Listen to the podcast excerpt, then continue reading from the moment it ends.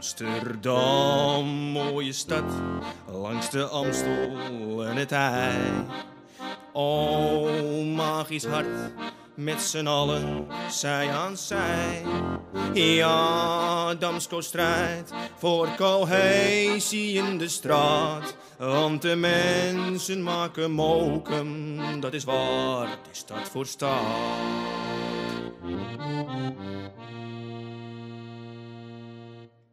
Gegroet! Dit is Mensen maken mokum, de podcast van de Vrijwilligerscentrale Amsterdam.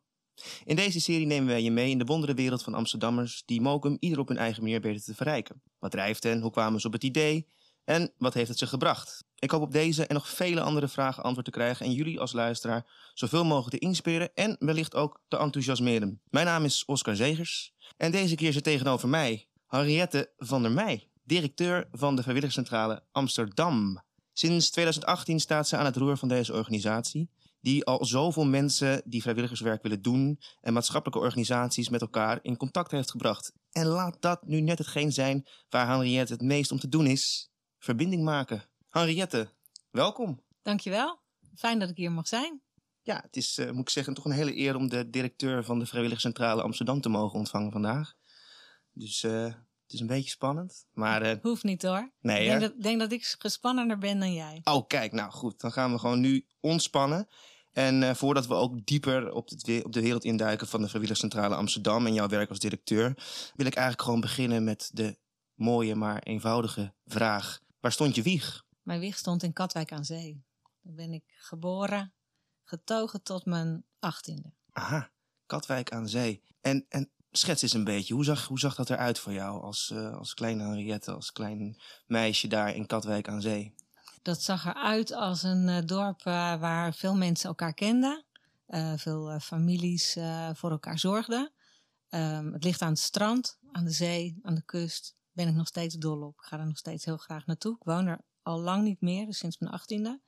Maar heb een hele fijne jeugd gehad, hele fijne, fijne tijd. Ja. En qua school, uh, wat, wat voor soort school ging je? En waren dat grote klassen ook?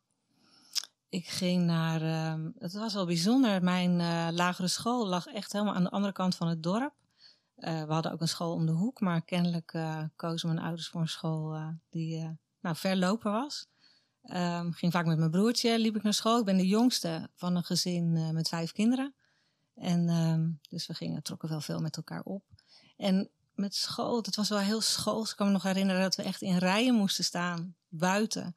Uh, en in rijen ook uh, naar de, de school in mochten en naar onze klas uh, liepen. Dat is niet meer voor te stellen nu. Mm -hmm. Maar nou, ik heb er goede herinneringen aan. Een fijn schoolplein, daar heb ik de beste herinneringen aan, buiten spelen. En nou, wel een goede tijd gehad. En, en was er een specifieke reden dat je naar, naar juist die school toe ging in plaats van de school die Hè, wat je net zei, om de hoek was? Het was een christelijke school, de christelijke opleidingsschool. En ik denk dat mijn ouders uh, met name uh, voor de signatuur hebben gekozen. Ik kom uit een gezin uh, gereformeerd, ben gereformeerd opgegroeid, opgevoed. Um, en ik denk dat de school daar het beste, deze school daar het beste bij aansloot. Mm -hmm, mm -hmm. En, en je ouders zelf, wat deden zij? wat hadden zij voor beroep of wat deden zij? Mijn uh, vader was architect, had een eigen architectenbureau. En mijn moeder, die, ja, zoals het toen hoorde, die uh, moest uh, stoppen met werken. Werkte als secretaresse. Maar toen zij trouwde, was het gewoonlijk dat je je, je, je vak op, je, je, je baan opzegde. En werd ze huisvrouw. En heeft ze voor, voor ons gezorgd. Ja, aan de ene kant is het natuurlijk heel fijn voor jullie dat, je, dat jullie moeder er veel voor jullie kon zijn. Maar aan de andere kant is het natuurlijk ook wel iets wat heel erg in die tijdgeest nog zit van, ja, zodra je trouwt als vrouw dan tenminste, dan houdt het werkende leven ook op. Dat kunnen we ons ja. eigenlijk bijna niet meer voorstellen vandaag de dag. Nee, nee. Maar het is wel goed dat we ons daar bewust van zijn. En wat deed je graag in je vrije tijd toen je, toen je jong was? Ik uh, uh, zeg wel eens, ik woonde eigenlijk op een manege. We hadden een manege in het dorp. Ik was dol op paarden en uh, ik uh, deed al mijn vrije tijd was ik daar. Uh, reed paard, verzorgde de paarden, had allemaal vrienden, vriendinnen.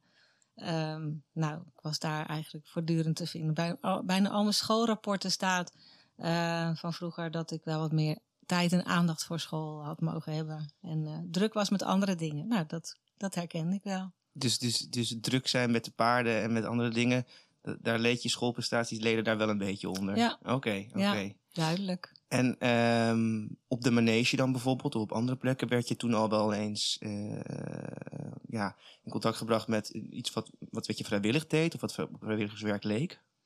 Ja, dat is eigenlijk wel, uh, uh, vind ik wel, nou, rode draad in mijn leven. Is eigenlijk wel mijn moeder. is begonnen bij mijn moeder. mijn moeder die zorgde voor de kinderen, maar die zorgde voor zoveel mensen in het dorp. Die deed eigenlijk alleen maar vrijwilligerswerk.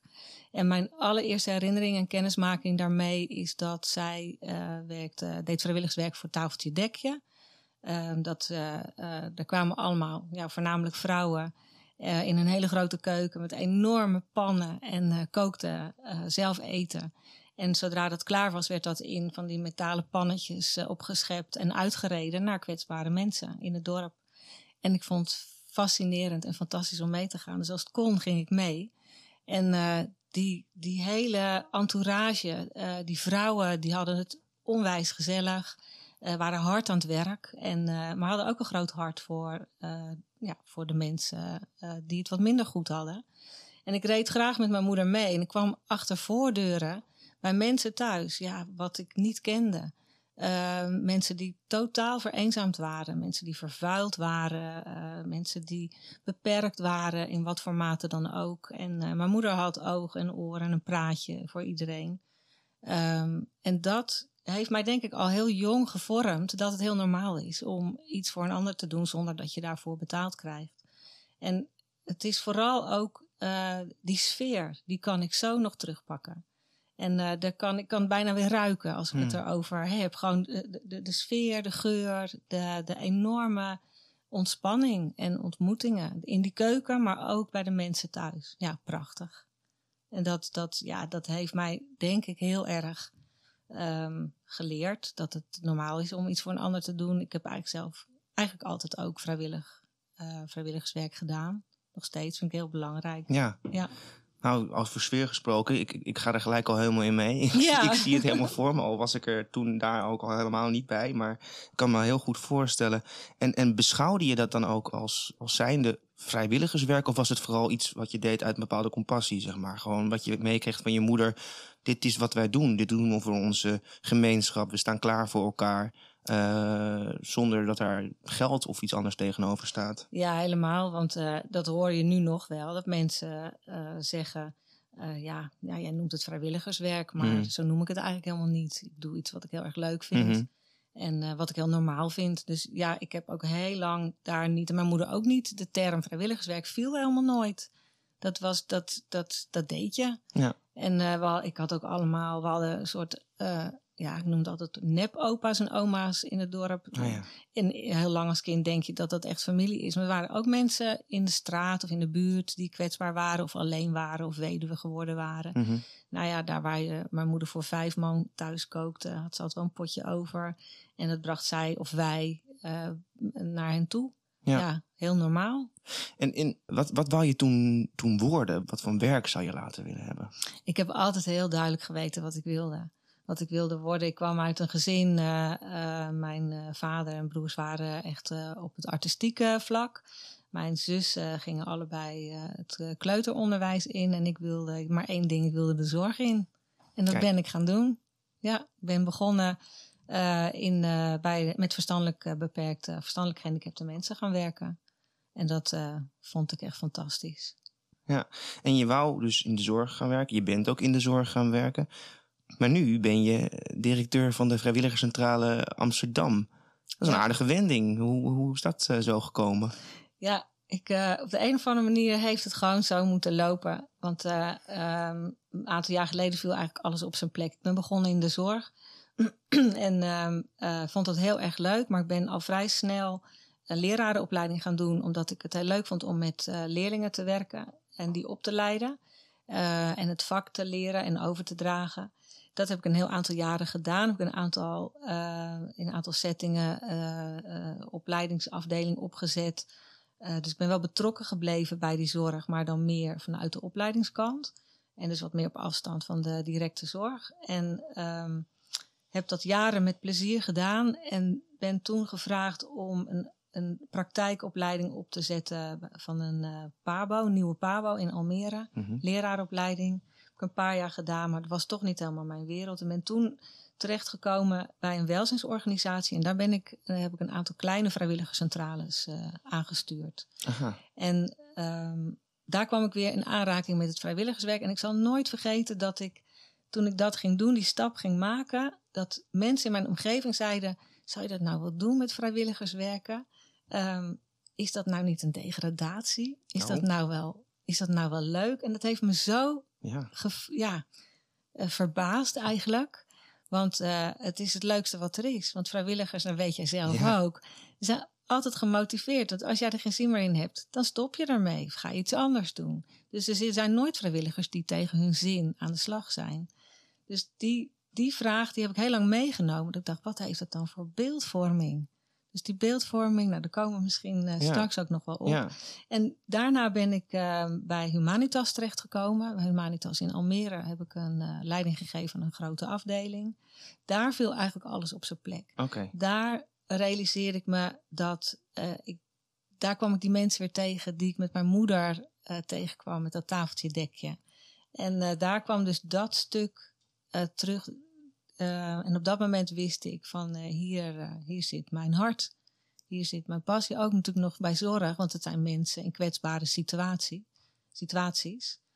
Maar dat, ehm, eh, ja, daar heb ik enorm genoten. Ook weer. En, maar na een aantal jaar kwam deze functie bij de Komt er vrijwilligerscentrale. inderdaad. Maar Ja. als je jezelf dan ehm, een beetje zou omschrijven als, als, als, als directeur. Hè? Want ik, ik, ik hoor in je verhaal eh, dat, dat er op verschillende manieren, op verschillende momenten al ehm, manieren voorbij kwamen, of dingen voorbij kwamen waarbij je ja, de directie kon vormen of een bepaalde regie kon nemen. Ehm, hoe zou je dat dan het beste omschrijven van jezelf? Of wat, wat, hoe, jij, hoe jij je leiding kan geven eigenlijk? Ja, ik denk dat ik ehm, eh, me graag overal mee bemoei. Dat, is, eh, dat heb ik in veel, nou ja, misschien wel overal, zeggen ze thuis ook. Ja? Wel, ja, en in werk ook. Ik, heb, ik vind het altijd leuk om op verschillende vlakken mee te denken, eh, te ontwikkelen, eh, maar ook eh, feedback te geven. ehm. en in, in de rol van teamleider of manager of directeur ehm, heb je daar een verantwoordelijkheid ook in. Mhm. Mag je, ik zeg wel eens, ik mag me overal mee bemoeien en ik krijg er nog voor betaald ook. Ja, Hoe ja. leuk is dat? En, eh, en naast dat bemoeien heb, je ook, heb ik ook een taak om, om het in goede banen te leiden. Maar vooral, ik zie het eigenlijk vooral om eh, mijn team en mijn medewerkers in staat te stellen om hun werk goed te doen, om alles eruit te halen wat, wat erin zit. En dat faciliteer ik, dat ondersteun ik, daar stuur ik. Eh, en dat vind ik gewoon hartstikke leuk. Mhm. Dus Ja, en, want, want waar ik even heel erg benieuwd naar ben, dat het woord is wat eh, vaak terugkomt en voor jou eigenlijk het allerbelangrijkste is, is wat versta jij precies onder eh, verbinden als het gaat, eh, ook als je werkt als directeur bij de Vrijwilligerscentrale Amsterdam, maar, of gewoon in het algemeen. Hoe belangrijk is dat?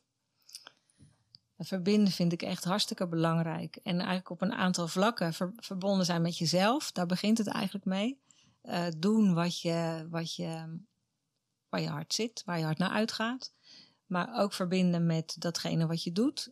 Eh, en ik denk dat geldt voor heel veel vrijwilligers. Eh, die doen iets waar ze lol in hebben. Of waar ze hun talent kunnen uitoefenen. Ehm, waar ze wat van leren. Ehm, dus dat zit een stuk bij jezelf, maar er zit ook een stuk verbinding tussen mensen en tussen organisaties of initiatieven. De, ehm, het zelf het wiel uitvinden kan heel erg leuk zijn. En ik denk dat heel veel vrijwilligers heel leuk vinden om iets uit te denken, te pionieren.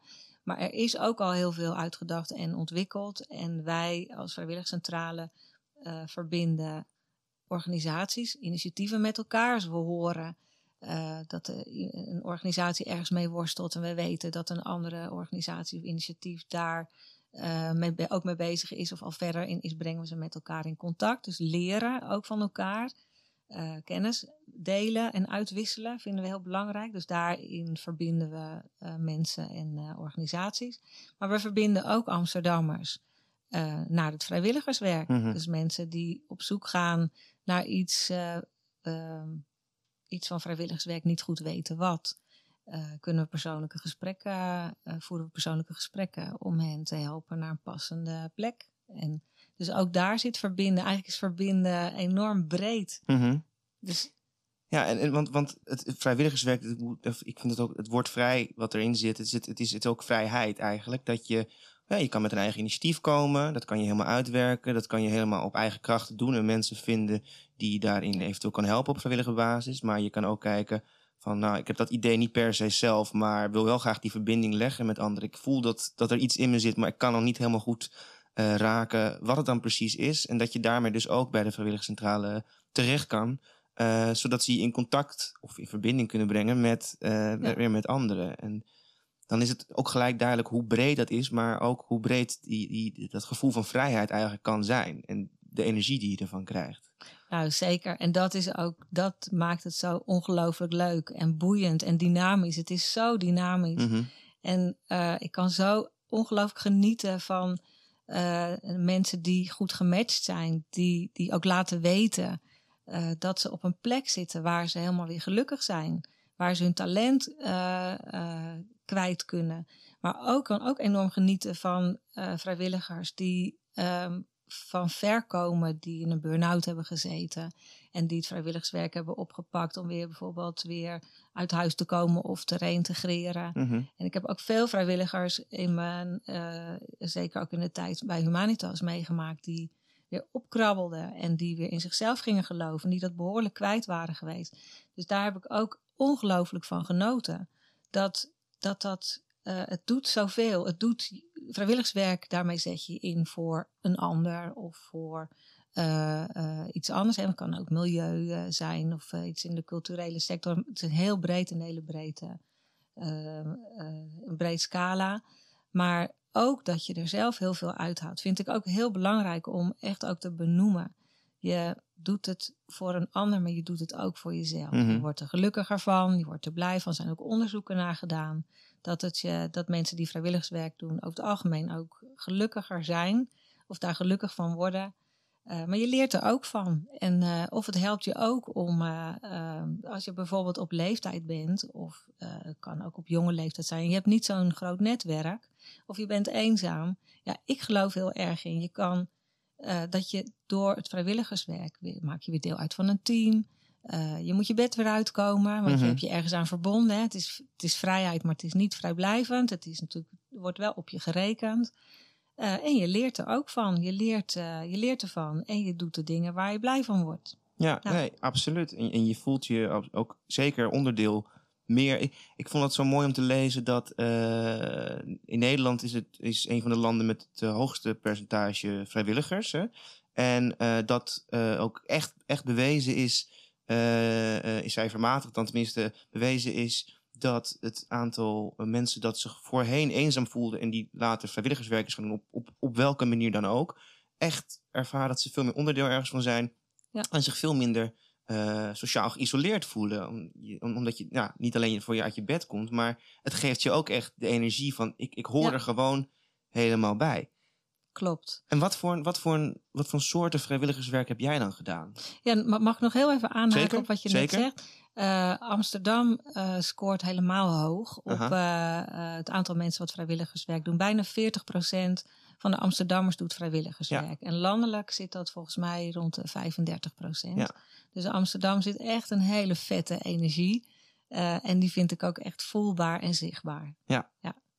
Nee, dat is zeker, dat is zeker duidelijk, absoluut. Dat, ja. uh, en dat, dat, dat merk ik ook op alle plekken waar ik, uh, waar ik kom. En de mensen die ik spreek ook inderdaad. Uh, hoe breed en hoeveel mensen zich eigenlijk op, op vrijwillige basis dan inzetten. In Amsterdam alleen al inderdaad. Ja. Maar dan terugkomen op de vraag die ik je voorstelde. Wat, wat voor soorten vrijwilligerswerk heb jij in je leven gedaan? Ja, ik, heb, uh, ik ben heel uh, lang betrokken geweest bij het KWF. Als, voor, de, voor de collecte heb ik in, in de plaats waar ik nu woon gecoördineerd. Een heel aantal jaren met veel plezier. Ook veel met vrijwillige, vrijwillige co collectoren, zeg je dat? Nou, collecte... Ja, collectemedewerker. Collectemedewerker, ja, ja, ja. Goeie eigenlijk. vraag eigenlijk. Goeie vraag. Ja. Maar, en KWF, even voor de duidelijkheid, voor de luisteraar is? Ja, de koning, waar staat eigenlijk voor? Koninklijke, nou, de kankerbestrijding. Ja, ja, ja. Dus zij halen geld op voor onderzoek op het gebied van kanker. Ja. En dat heb ik een aantal jaren gedaan. En ik heb in een aantal besturen gezeten voor een patiëntenvereniging, een landelijke patiëntenvereniging. En daar heb ik in een regionaal bestuur gezeten waar we allerlei activiteiten organiseerden. En later in een hoofdbestuur ben ik vrijwillig actief geweest.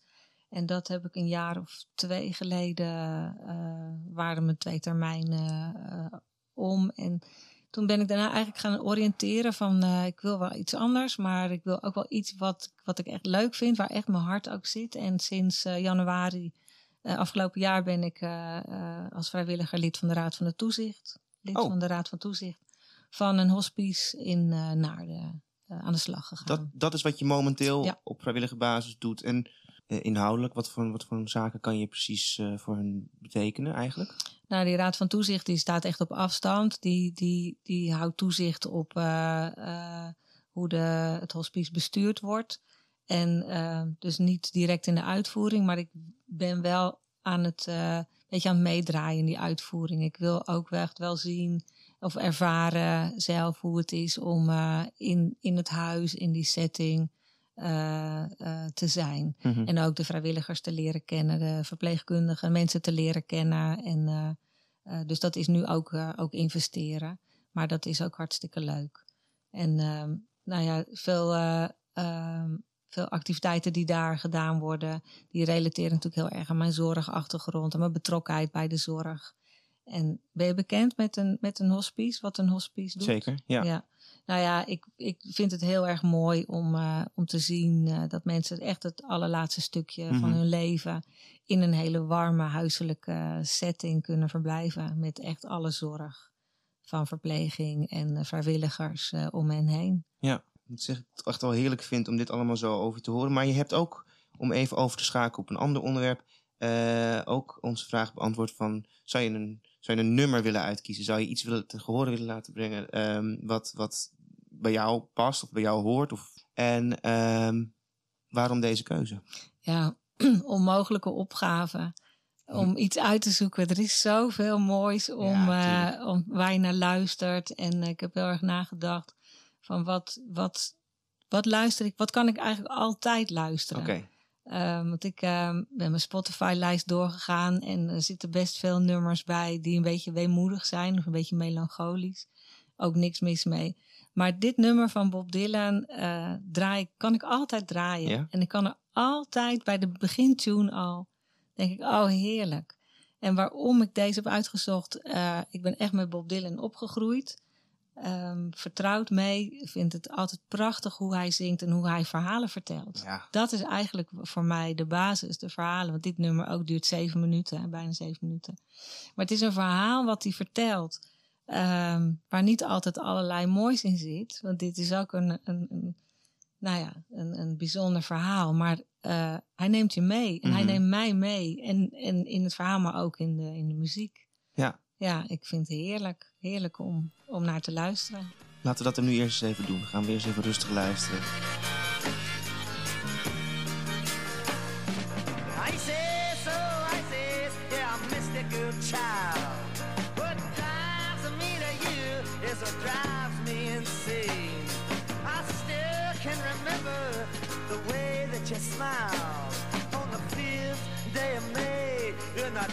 Drizzle and the rain.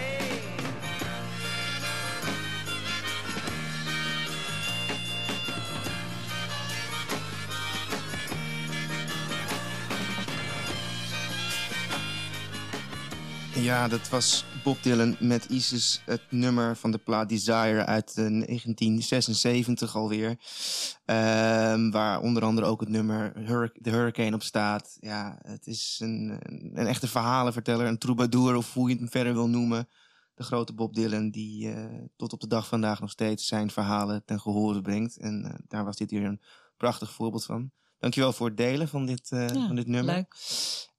Um, we gaan naar, uh, naar Mokum toe.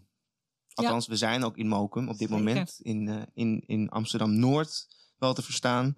En um, wat was jouw eerste keer dat je... Het is duidelijk dat je niet in Amsterdam was opgegroeid. Maar wat was de eerste keer dat je in Amsterdam aankwam? Kan je dat nog herinneren? Qua wonen bedoel je? Nou, gewoon überhaupt. Uh, een keer een bezoek gebracht. Ik weet niet of je iemand was die, uh, in, uh, die ook veel of vaak wel eens uitging en dat soort dingen. Dat dan in Amsterdam wel eens een keer ging doen? Of, Nee, dat eigenlijk nooit. Um, mijn eerste herinnering aan Amsterdam is aan het Waterloopplein. Mijn vader was een verwoed muntenverzamelaar. En gingen we met hem mee naar het Waterloopplein. Gingen muntjes zoeken. Kon je toen nog heel veel in die grote bakken lagen allemaal muntjes. En mijn vader, die heb ik nog steeds, had allemaal van die briefjes met uh, muntjes en jaartallen die hij nog niet had. En hij uh, had voor alle kinderen, uh, spaarde die voor een muntenalbum. En dan wilde hij alle jaren van alle munten verzamelen. Dus als je ging trouwen, kreeg je zo'n album mee. Dus dat is superleuk. En je hebt zo'n album ook gekregen uiteindelijk ja. zelf? Ja. En die heb je nog altijd ja. ook? Het ja, is ja, een, een rijke verzameling die je vader hoogpersoonlijk helemaal bij elkaar verzameld Ja, heeft. ja, rijk in de zin van, uh, Ja. van de, de, de verzameling. Volgens mij is niet zo heel veel uh, waard, maar dat is ook Nee. niet relevant. Nee. Maar dat is mijn eerste uh, kennismaking en dat vond ik heel leuk en ehm, leuk om te doen. En een bijzondere stad. En ook misschien ergens een klein beetje spannend nog dan. Ik weet niet hoe oud je was toen je met je vader naar het Waterloopplein ging. En Nee, ik denk wel jong, maar nee, spannend heb ik het nooit, als, nooit ervaren. Nee. Ja, we kunnen het eigenlijk niet, niet, niet vermijden, maar het is, een, het is een gek jaar geweest en nog steeds gaande. Uh, uh, de, de coronacrisis eigenlijk en alle daarbij behorende maatregelen. Hoe heb je dat ervaren um, vanuit de vrijwilligerscentrale in Amsterdam? Wat voor een impact heeft dat gehad op jouw werk als, als directeur, maar ook voor de, voor de centrale zelf? Ja, we hebben heel veel aanmeldingen gekregen. In de eerste maanden werden we echt overspoeld. Wij en ook heel veel andere organisaties van mensen die belden en zeiden ik wil dolgraag iets doen. Uh, mensen die in de horeca werkten en die hun baan kwijt waren en zeiden ik kan vanmiddag aan de slag. Mm -hmm. uh, dus we hebben daar uh, duizenden aanmeldingen uh, voor binnengekregen. Wat geweldig was. Um, maar aan de andere kant was er ook wel gelijkertijd, um, ging, waren heel veel organisaties waren gesloten. En um, dus dat droogde ook een beetje op. En um, de mensen die hulp nodig hadden, uh, die kwamen niet zo heel scheutig met hun vragen. Dus daar was wel een disbalans. Heel veel aanmeldingen en eigenlijk weinig mogelijkheden om mensen uh, passend en, uh, te kunnen matchen naar een, naar een plek. Dus daar hebben we ook wel van geleerd. De tweede golf die kwam, hebben we met een aantal andere organisaties in, uh, voor elkaar in Amsterdam is opgericht. En daar zijn we partner van, waarin we met een aantal organisaties die vraag, dus die, die, dat aanbod en de vraag van mensen die hulp nodig hebben, proberen beter te stroomlijnen. Er is ook een campagne geweest om die hulpvraag beter op te halen. Maar het is zeker uh, waar, afgelopen jaar hebben heel veel mensen uh, vrijwilligerswerk als mogelijkheid gezien om zich in te zetten uh, voor de stad en voor, voor de ander.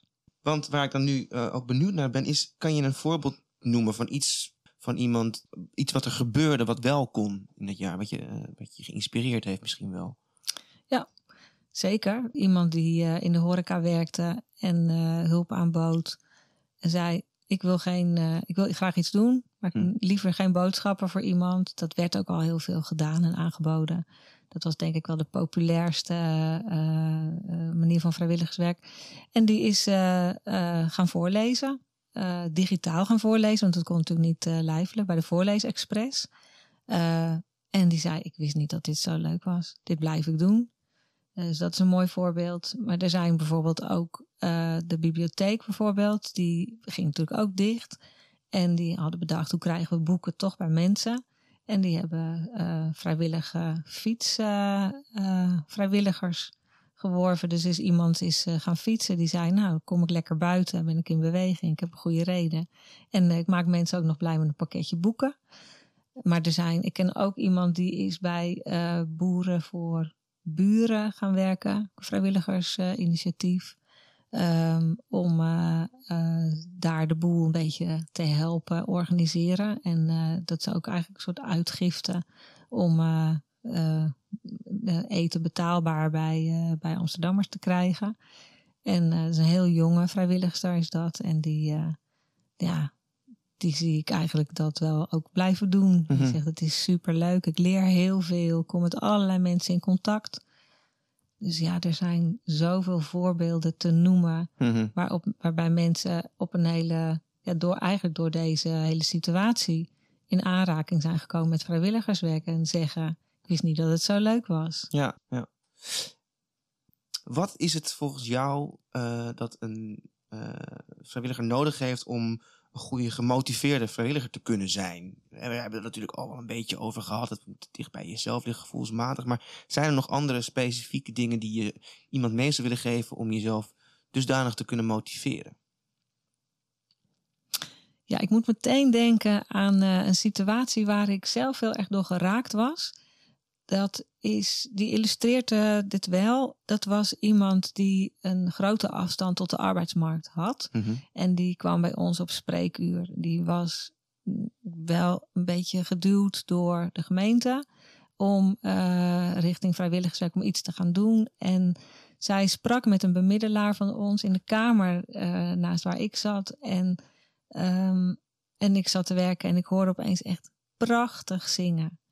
En eh, waar komt dat vandaan? Eh, dus ik eh, dacht eerst dat het van buiten kwam. Toen dacht ik, nee, het komt van binnen. Dus vroeg ik later aan mijn bemiddelaar, wat, wat was het bij jou? Was jij aan het zingen?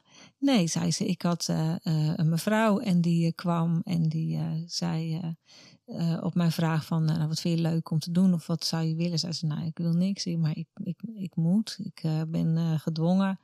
En toen had zij gevraagd van, nou ja, oké, van ons moet je niks, maar wat zou je willen? Wat vind je leuk om te doen? Ja, weet ik niet. Eh, waar word je blij van? Had ze de vraag gesteld. Ja, van zingen, had die mevrouw gezegd. Kan je zingen dan? Ja, weet ik niet. Laat eens wat horen. Nou, dat Mm. hoorde ik dus. En eh prachtig Spaans eh, lied stond hij, had deze mevrouw gezongen. En deze mevrouw is, hebben we kunnen bemiddelen naar een plek waar zij met haar zangtalenten helemaal uit de verf kon. Dus uiteindelijk komt iemand dan binnen die eigenlijk niet wil, niet goed weet. Wat zou ik dan moeten? En gaat de deur uit en er was al gebeld en een afspraak gemaakt van eh, eh, je kan dan en dan komen. En eh, die mevrouw is dat met heel veel plezier gaan doen en is helemaal opgebloeid. Dus dat geeft wel aan dat mensen die soms niet goed weten wat, ja, wat het is of hoe leuk het is. Ehm, eh, er is altijd wel een vlammetje, er is altijd wel iets in ieder mens waar je op aan kan slaan, waarvan je kan, ja, weer, weer, weer blij kan worden als je dat in kan zetten. Ja. En dat zien we bijvoorbeeld ook bij statushouders. eh, die bemiddelen we ook naar vrijwilligerswerk. En die kennen het soms helemaal niet. Komen soms uit landen waar vrijwilligerswerk helemaal niet gewoon is. Waar een beetje cultuur is vrijwilligers. Je gaat toch niet werken Mm. zonder dat je ervoor betaald wordt. Mhm. Dus die nemen we ook wel mee in voorlichting. En vertellen wat het is en welke mogelijkheden er zijn. Dan gaan we ook weer op maat kijken. Ja, daar zie je ook fantastische voorbeelden. Dat iemand die graag kookt in een setting komt waar, die, waar ze maaltijden maken, bereiden voor, nou ja, eh, gezamenlijk eh, in buurthuizen of wat voor plek ook. Ja, want dat, dat maakt, lijkt, ik kan me zo goed voorstellen dat het voor jou dan ook maakt als directeur, maar voor iedereen werkzaam bij de Vrijwilligerscentrale Amsterdam. Geen, geen, geen dag of geen week is hetzelfde ook. Je, kan zo, Nee. je wordt zo overvallen door eh, het moment dat je eh, ziet van ik heb die twee personen of die organisatie en die groep personen met elkaar in contact gebracht. Omdat ik ja, eerst heb kunnen horen wat kan er wel, wat is er mogelijk. En, en, en, en iemand die komt, ja, ik moet eh, eigenlijk het gevoel heeft van, ja, wat, wat, wat, wat doe ik hier? Totdat ze gehoord eh, en gevoeld worden eigenlijk in, in hun persoonlijke interesse. En zeggen, ja, maar daar hebben we wel wat voor. Want dan kan je eens met die en die gaan praten. En Ja. dat lijkt me het, een van de mooiste dingen van het werk eh, bij de Vrijwillige Centrale. Dat is het ook. En, en daar, daar, ja, daar worden we allemaal gewoon hartstikke blij van. En ook als je dan weer terug hoort van een organisatie, hoe blij ze zijn met iemand die daar op zijn- zijn of haar plek valt. Ja. Eh, en hoe geholpen ze zijn. En, en dat, dat, dat het daar ook weer eh, de dynamiek weer vergroot en verbetert. Dus het is winst aan allebei de kanten. Ja. Dat, dat is zo leuk. We, we, het is en aan de, degene die het vrijwilligerswerk gaat doen, die wordt er blij van. En de organisatie die hen ontvangt ook. En, ehm, en je je vroeg net even ook wat is er nodig. Daar is ook wel voor nodig dat een organisatie deze, eh, de vrijwilligers ook, nou ja, ik zou willen zeggen, koestert. Ja. Eh, goed begeleidt, goed ontvangt, inwerkt. maar ook begrensd van wat, wat hoort, uh, wat, wat past bij, bij het vrijwilligerswerk en wat niet. Uh, om het ook uh, ja, behapbaar en, en haalbaar en verantwoord te kunnen doen. Ja, en, en hebben jullie daar nog op dit moment nou, wat nodig, zeg je net, maar heb je specifieke dingen nodig? Zijn er dingen die je, die je op dit moment nog mist in de organisatie of in de samenwerking met organisaties in Amsterdam of Amsterdam zelf? Iets wat, wat voor jou belangrijk is?